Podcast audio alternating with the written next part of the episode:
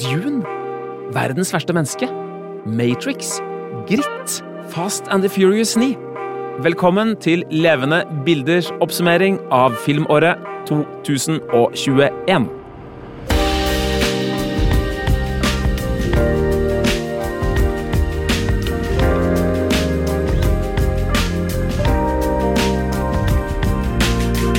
Aller første dag må jeg bare slenge ut en knallhard anbefaling.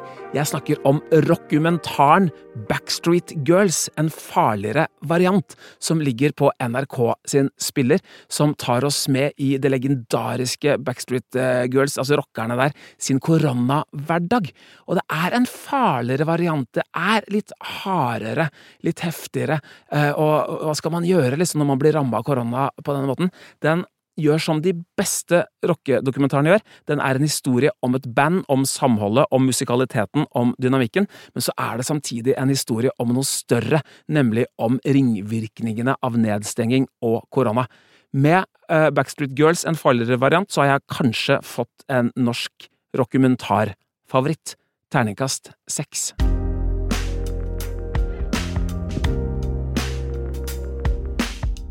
«2021, ass.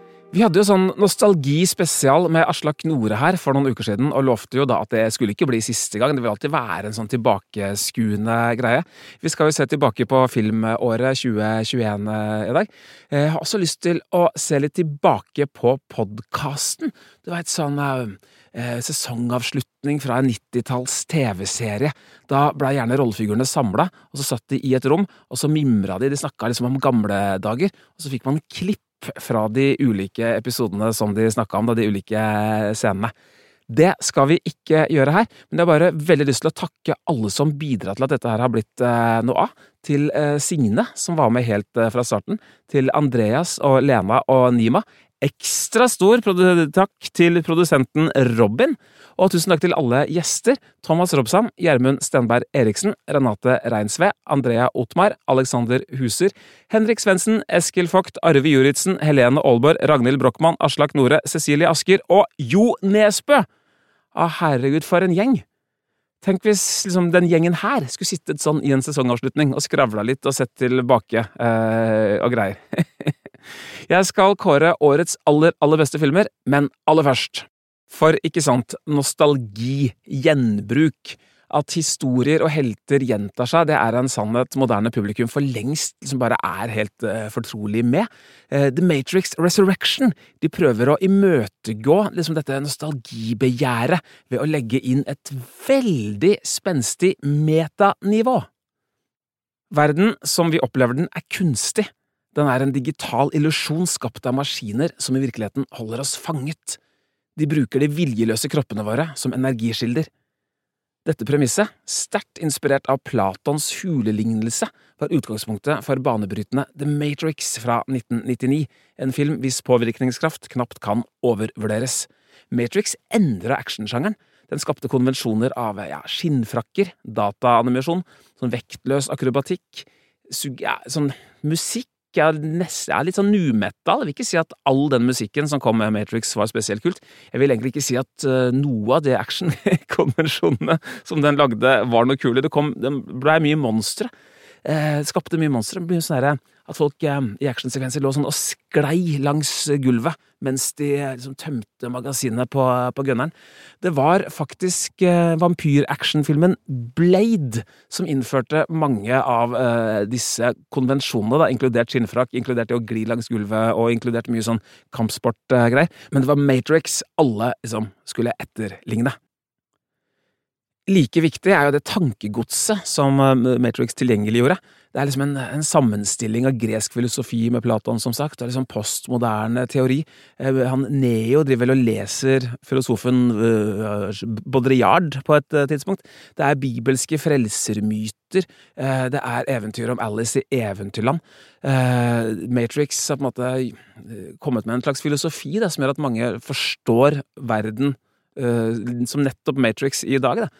For eksempel Elon Musk, han Tesla-mannen, han mener helt seriøst at vi lever i en dataskapt simulering.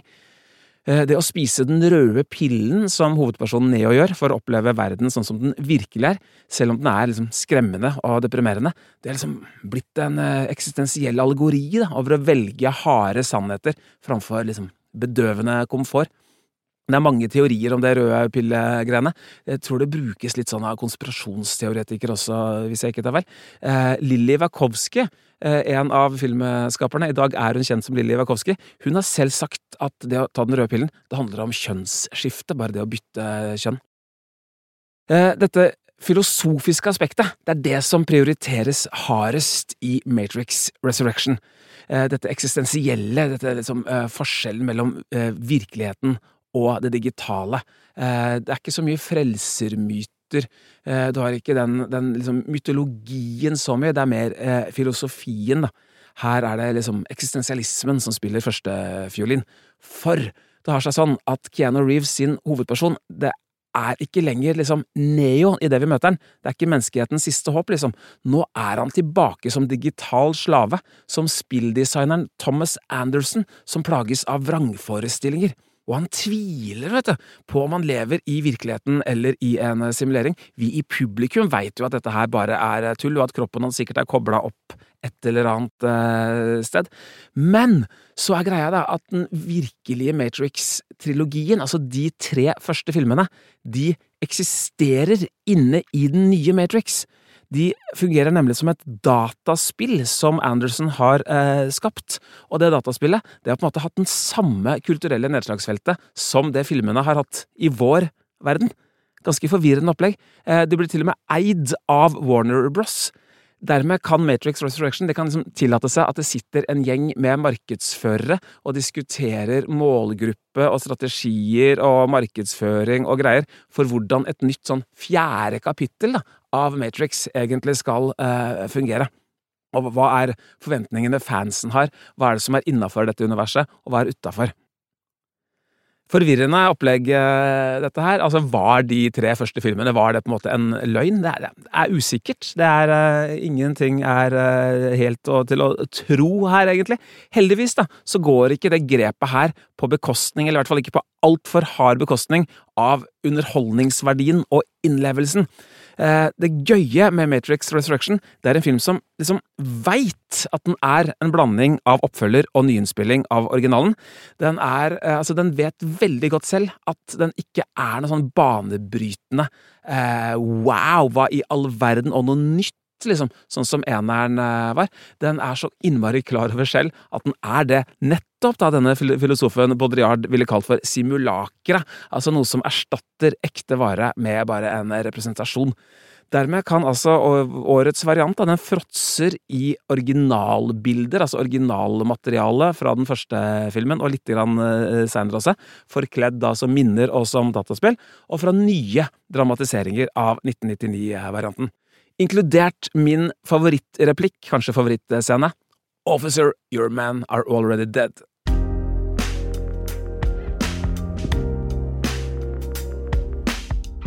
Det er noe veldig sånn uforskrekka, noe enormt liksom, henslengt, da over denne tilnærmingen. En selvtillit, liksom. Eh, kombinerer sånn eh, bevisst skøyerplan med disse liksom, gravalvorlige teknologidystopiene.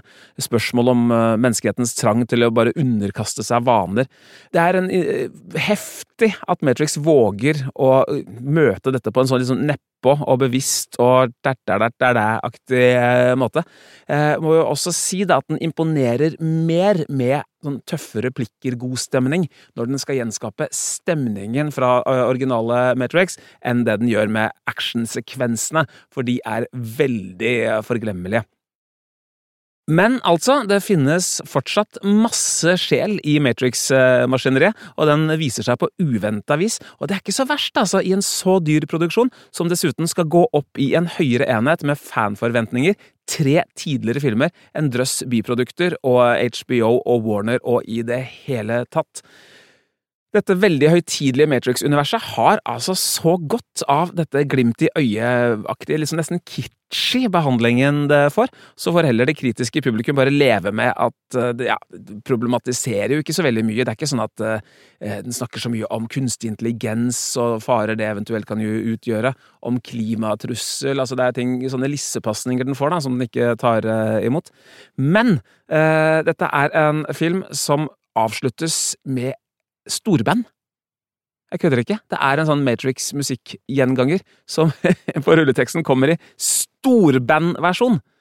Det betyr jo at altså hva skal man si, når historien gjentar seg, da, så gjentar den seg som farse og ikke eh, tragedie. Veldig gøy med denne bevisstheten. Jeg koste meg med Matrix eh, Resurrection.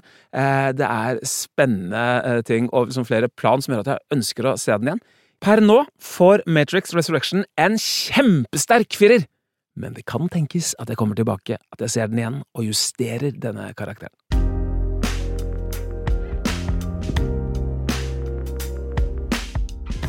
Før lista over årets beste filmer, bare si årets største to skuffelser for meg, det var Dune. Jeg hadde forventa noe veldig undrende, noe litt sånn livsforandrende, å gå helt sånn eh, skjelven og opplyst ut av kinosalen. Istedenfor så hadde jeg sett ja, for å si det litt grusomt, jeg hadde sett en dyster eh, Star Wars-film, en romopera, bare i eh, litt sånn eh, fetere filma og med dystrere musikk og mye mer nærbilder av ansiktet til Timothée Chalamet. Jeg kommer til å se Dune igjen. Jeg prøvde her, men ble ikke frista til å være der i nye to timer. Jeg kan hende at jeg justerer denne følelsen, men så langt idet vi runder av året, da, så er fremdeles Dune en skuffelse. Det samme gjelder Ridley Scott-filmen House of Gucci, som jeg underlig nok hadde veldig store forventninger til, men det var ikke noe bra. Dette eh, kan man for øvrig høre mer om i tidligere episoder av Levende bilder. Har vært et interessant eh, år, da. Jeg har noen filmer som akkurat ikke kom seg med på eh, lista med. Titan, bodyhorror-filmen, greske Apples om hukommelsestap, og så de to DC-filmene, eh, Suicide Squad og Zack Snyders Justice League. Enormt gode underholdningsfilmer, alt sammen. Eh, ingen av de kommer riktignok helt inn på topp ti-lista. Det gjør faktisk heller ikke det jeg vil kåre til årets filmopplevelse. Det var nemlig Fast and the Furious 9 som Altså, jeg kommer ikke til å se den igjen. Eh, handlingen er helt dust. Alt med den er veldig, veldig dust. Men her kommer banning. Fy faen som jeg koste meg i kinosalen, på Imax-en på Storo, da jeg så den. Eh, første storfilm eh, på, hva var det, halvannet eh, år. Jeg tror det kom tårer ass, idet Vin Diesel sa noe tøff og hang etter et eh, helikopter. Jeg digger Fast and the Furious-serien. Favoritten er vel femmeren, eller var femmeren, for det er veldig ferskvare, disse her. De, de ja, eldes ikke nødvendigvis med verdighet. Digga Fast 9. Stor opplevelse. Den kommer akkurat ikke med på lista.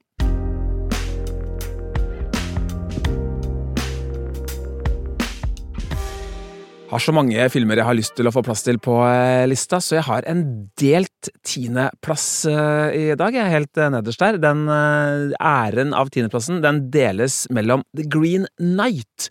En veldig fresk og uventa vri på kong Arthur-myten, og eh, nesten like middelalderske, eller egentlig mye mer middelalderske, The Last Duel.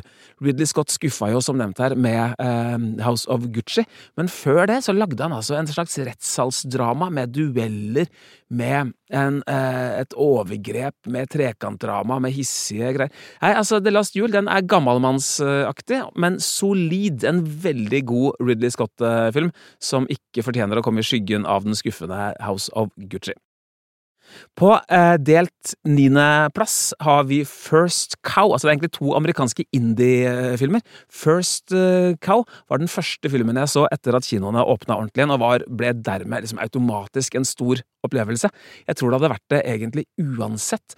Handler altså om en, eh, noen tjuvradder, noen luringer, som tjuvmelker eh, kua til liksom, sjefen i landsbyen. Her er vi tidlig, tidlig 1800-tall i USA. Og det er Filmen inneholder liksom nettopp det jeg elsker med film, denne diskusjonen mellom kultur og natur. The Middleman, som den deler plass med, det er Bent Hamers andre amerikanske film, får en sånn skikkelig god 90-tallsfølelse. Det mener jeg på best mulig måte, altså, av å se The Middleman. Eh, en by som er ramma av så mye elendighet og tragedier at vi må ansette en fyr for å komme og overlevere dårlige nyheter. Men hvordan leve med det, liksom? Eh, Pål Sverre Valheim Hagen gjør en fantastisk innsats som hovedperson.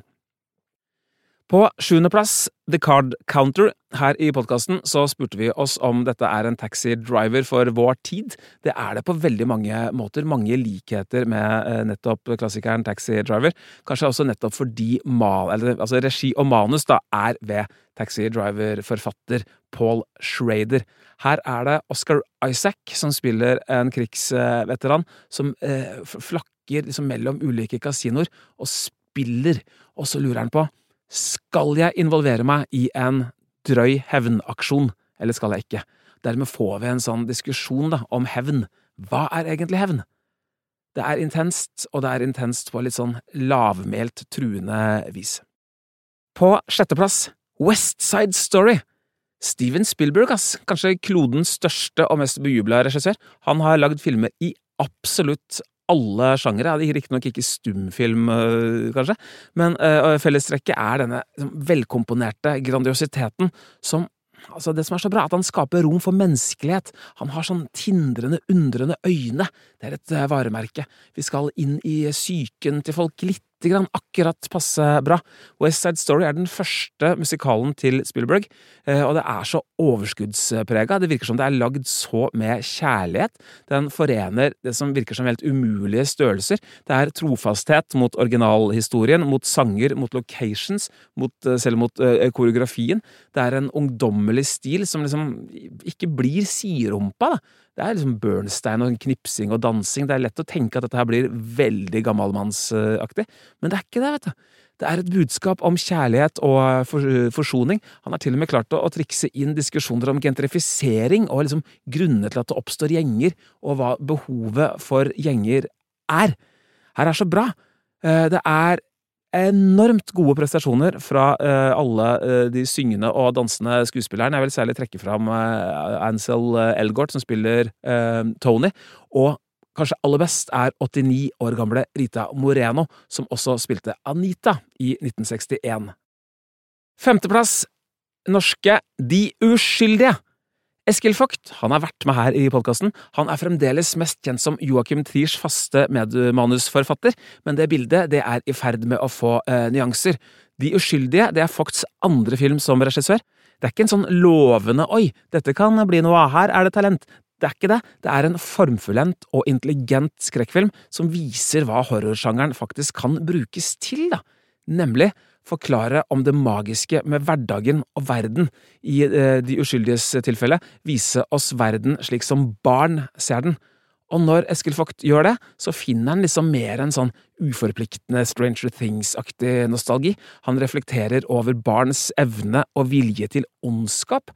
Vi er innom fattigdom, utenforskap. Mest av alt er likevel De uskyldige et rikt eventyr og en enormt intens kinoopplevelse. Den eh, gjør det en skrekkfilm skal gjøre. Den skremmer, og den gjør det med liksom dypere virkemidler enn å bare rope bø! Men når det er sagt, jeg skvatt ganske heftig av de bø-effektene også. Fjerdeplassen, den er fransk. Den går til Lille mamma av Céline Sciamma. Eh, Lille mamma er et både dvelende og konsentrert portrett av sorg, skjebne og ensomhet. Handler om en åtteåring som møter moren sin, egentlig, bare at moren også er åtte år. Eh, vi er altså i et slags fantasylandskap som ikke er så langt unna Eskil Vogts. Eh, Celine Skiamma og Eskil Vogt gikk jo for øvrig på, de er altså utdanna på samme filmskole i, eh, i Frankrike. Stilen her er nok kanskje mer liksom filosofisk, poetisk, enn den er skremmende. Eskil Vogt er liksom nærmere skrekksjangeren, da, eh, renere der, enn Zelinskyj Yama er sci-fi-sjangeren, eh, sånn sett. Eh, det er en spilletid der på bare 72 minutter. Det at den varer så kort, det gjør at man blir så innmari fokusert på hver lille detalj. Man gir liksom hvert bilde, hver replikk, mye sånn tyngde og mening. Hva er, symboliserer det døde treet med oppreva rot? Eh, det at jentene driver og bygger en sånn trehytte sammen som ikke virker som den kan beskytte mot regn engang. Hva skjer med det, liksom? Seerens økende nysgjerrighet blir dermed eh, filmens viktigste motor framover, og for å få til det så må man ha så sykt god kontroll på fortellervirkemidlene.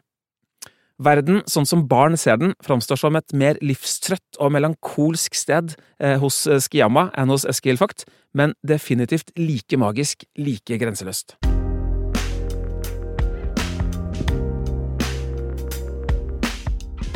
Vi er på pallplasseringen, og bronsemedaljen for filmåret 2021 den går til den norske filmen Gritt! Vært et sinnssykt bra norsk filmår, dette her, altså. Filmskaper i Tonje Søymer Guttormsen og hovedrolleinnehaver Birgitte Larsen de har utvikla og spilt inn Gritt i årevis. De har liksom gått ut og filma litt her og holdt på litt uh, der. Resultatet føles veldig fritt, veldig uavhengig, er annerledes enn hvis du liksom Nei, nå har du 20 dager på uh, å spille inn. Dette er et mye mer fritt uh, prosjekt. Det er en film det er vanskelig å forklare. Eh, det er noe som faktisk må oppleves. Den klisjeen stemmer for en gangs skyld ganske bra, men jeg kan prøve lite grann. Hovedpersonen Grit Gritt hun er en vordende performance- og teaterkunstner med et uavklart forhold til det aller meste, ikke minst seg selv. Søker hun egentlig identitet og holdepunkter uten å innrømme det selv? Filmen er like omfattende som Gritt sjøl, og er ikke ikke raus med svarene på dette. her. Stilen er både surrealistisk og dokumentaristisk, ofte helt sånn realistisk, eh, og i det ene blikket drømmende i eh, det andre. Den fanger et nærmest uoversiktlig menneskelig nettverk av paradokser, livsløgner og dilemmaer. Jeg sa det var vanskelig å forklare dette. Det er litt som livet sjæl, da, med andre ord. Morsomt, følsomt, tragisk, iskaldt, håpefullt. Svimlende komplekst, for en gangs skyld stemmer denne klisjeen, som sagt. Gritt må oppleves, kanskje til og med flere ganger. Sølvplasseringen i år, den går til faktisk Netflix-produksjonen Don't Look Up. Filmstjerner har en funksjon, i tillegg til å ja, stort sett da, være suverene skuespillere. De skinner, det er jo det en stjerne skal gjøre, ikke sant, og de skinner ofte på litt sånn uventa vis. Leonardo DiCaprio er mest kjent for liksom, høystemte, historiske filmer. Her stiller han opp med ufikst samtidsskjegg og like ufikse samtidsbriller i en gestaltning av en astronom på ganske lavt nivå. Uh, under han jobber Jennifer Lawrence som en sånn ph.d.-student. Hun skinner faktisk nesten enda sterkere som denne doktorgradsstipendiaten. Uh, det er hun som oppdager en meteor som truer med å utrydde menneskeheten, uh, og da må disse to akademikerne, litt sånn hverdagsmenneskene, de må ut og advare presidenten og Forsvaret.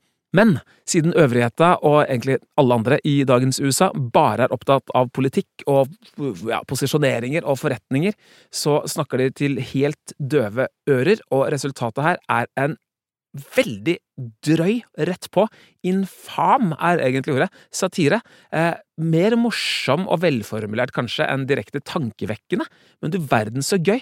Samtidig da, en veldig, veldig treffende algori over hvordan menneskeheten ikke reagerer overfor den veldokumenterte klimakrisen. Vi har oppsummert 2021. Her kommer gullmedaljen. Alle priser, alle festivaldeltakelser, alle panegyriske kritikker, i potent kombinasjon med den selvbevisste, av og til litt sånn kjekkasaktige fortellerstilen. Alt det der gir verdens verste menneske, jeg tror det er norgesrekord ja, i fallhøyde. Har aldri hatt sånne forventninger til en norsk film noensinne. Men lykkeligvis svever verdens verste menneske lett og ufortrødent over hovedstadsgatene, selv om den tar opp eksistensiell tematikk og den undrer over identitet og livsvalg, så kan filmen helt trygt sorteres som feel good, og det er på grunn av timingen og den allmenne gjenkjennbarheten. Jeg tror alle kan leve seg inn i situasjonene og rollefigurene i verdens verste menneske. Årsaken til denne lettheten er filmskaper Joachim Triers suverene kontroll over virkemidlene. Han er inderlig i det ene øyeblikket, eh, analytisk i det neste, eh, vemodig i det tredje, og er full av glede i det fjerde. Samtidig så gnistrer filmen av Cannes-vinner Renate Reinsves storøyde innlevelse i rollen som Julie, og den presise beskrivelsen av ulike generasjoners ulike tolkninger da, av virkeligheten, nesten så vi er i Matrix uh, her igjen, vet du. Og for noen Oslo-bilder, ass! Oslo-turister, dere kommer til å bli skuffa. Takk for nå til deg, 2021, og takk for nå til deg, elskede lytter. Bli venn med oss på Facebook, og hør på oss i 2022 også. Ha det bra.